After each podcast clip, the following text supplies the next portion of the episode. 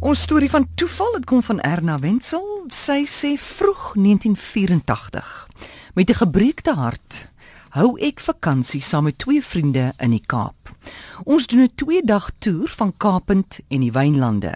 Ons toergids is 'n jong, donkeroog student met wie ek so versigtige paar woorde uitruil oor hierdie 2 dae, want jy weet mans is mos nou nie te vertroue nie.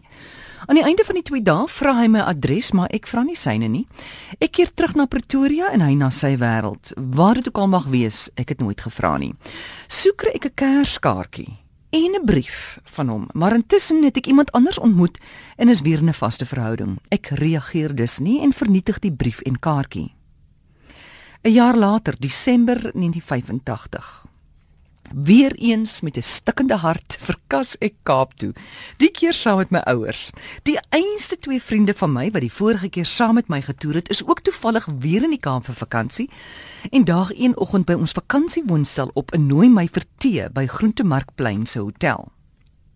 Terwyl ons so sit en gesels op die stoep, oek ek sien hy stoep voor my, kom 'n klein toerbus stadig verbygery vol toeriste en duidelik word hulle die geskiedkundige omgewing gewys. "Haai," sê my vriend. "Kyk, dis dieselfde reisagentskap wat ons laas jaar rondgeneem het." "Ah," sê ek. "En," sê die ander een, "die bestuurder lyk nes daai ouetjie wat laas jaar so oogie op jou gehad het." "Hm," sê ek weer, meer geïnteresseerd in my tee en stikkende hart. Net daar gryp een 'n stuk papier en skribbel die telefoonnommer van die reisagentskap wat op die bus verskyn af. Op 'n manier woel hulle sonder my medewete die nommer van die toergids wat ek toe nou net as Andy kon onthou. Geen van in my geheue nie uit die reisagentskap se ontvangsdame. Jy moet hom bel, sê hulle. Oor my dooie liggaam protesteer ek. Ek jag geen man nie. Maar die twee is op 'n missie. Later die middag dwing hulle my in 'n telefoonhokkie in en staan my toe. Nou moet ek bel. Met bewerige vingers gooi ek my 50 sent stuk in 'n bellynommer. Oh, maar ek voel soos 'n idioot. Wat maak ek as hy dalk verloof of getroud is en sy meisie of vrou antwoord? Dis so 'n paar luie en dit voel soos 'n ewigheid. Hier tel hy op. Andy, vra ek.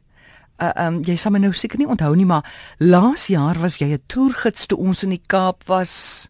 Ewe skielik sê hy: oh, "Die meisie op die bus. Natuurlik onthou ek jou. Waar's jy?" "Seepunt," sê ek. "Kan ek kom kuier?" vra hy. Ah, en die res soos hulle sê is geskiedenis. Andy blyk toe kort vir Andreas te wees. En 27 jaar later skud ons nog kop oor die toeval, want sien nou ek was nie op Groentemarkplein daai dag in tyd nie. En die ander groot toeval was dat Hy die dag toe hy by die kantoor arriveer, is hy meegedeel dat sy toergroep gekanselleer is. Hy was op pad huis toe toe 'n kollega instap en vra of hy nie nou maar hierdie bus sal bestuur nie, terwyl die kollega dan al sy aandag aan sy toeriste kan gee en die geselswerk doen.